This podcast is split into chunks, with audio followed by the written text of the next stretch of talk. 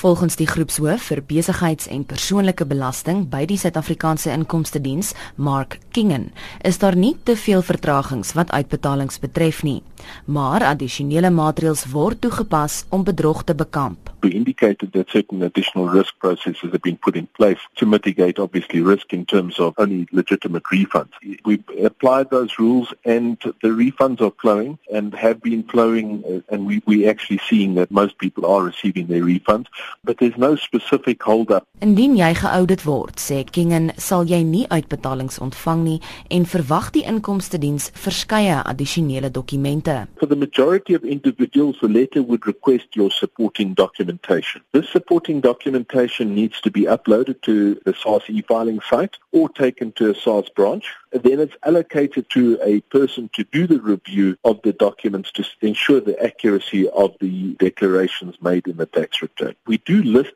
a list of documents. So for instance, we ask for IRP5s, your RA certificates, your medical certificates, and any other medical cost receipts, etc., that you're wishing to claim, donations to public benefit organizations, any document that would substantiate any figures that are declared in your return.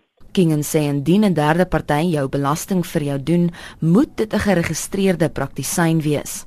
Hy voeg by dat die praktisyn nie mag aandring op 'n persentasie van jou uitbetaling nie. Registered practitioners are registered with what we call recognized controlling bodies and they've got a set of rules and regulations in terms of which their members operate and they've got a disciplinary code which applies to their members. There is no cap or set fee as set out in any legislation. We do not allow contingency fees. In other words, if you get a refund, pay me 20% thereof. That really uh, prompts bad behavior and people claiming deductions that they are not entitled to. Hy noem twee belangrike aanpassings wat vanjaar gemaak is. We this year require a separate field for each medical scheme to which you belong. We do pre-populate if we've got the data of the medical scheme name as well as the number We also populate the dependents as provided by the medical scheme. That's a very important one. The second one is on retirement annuity contributions.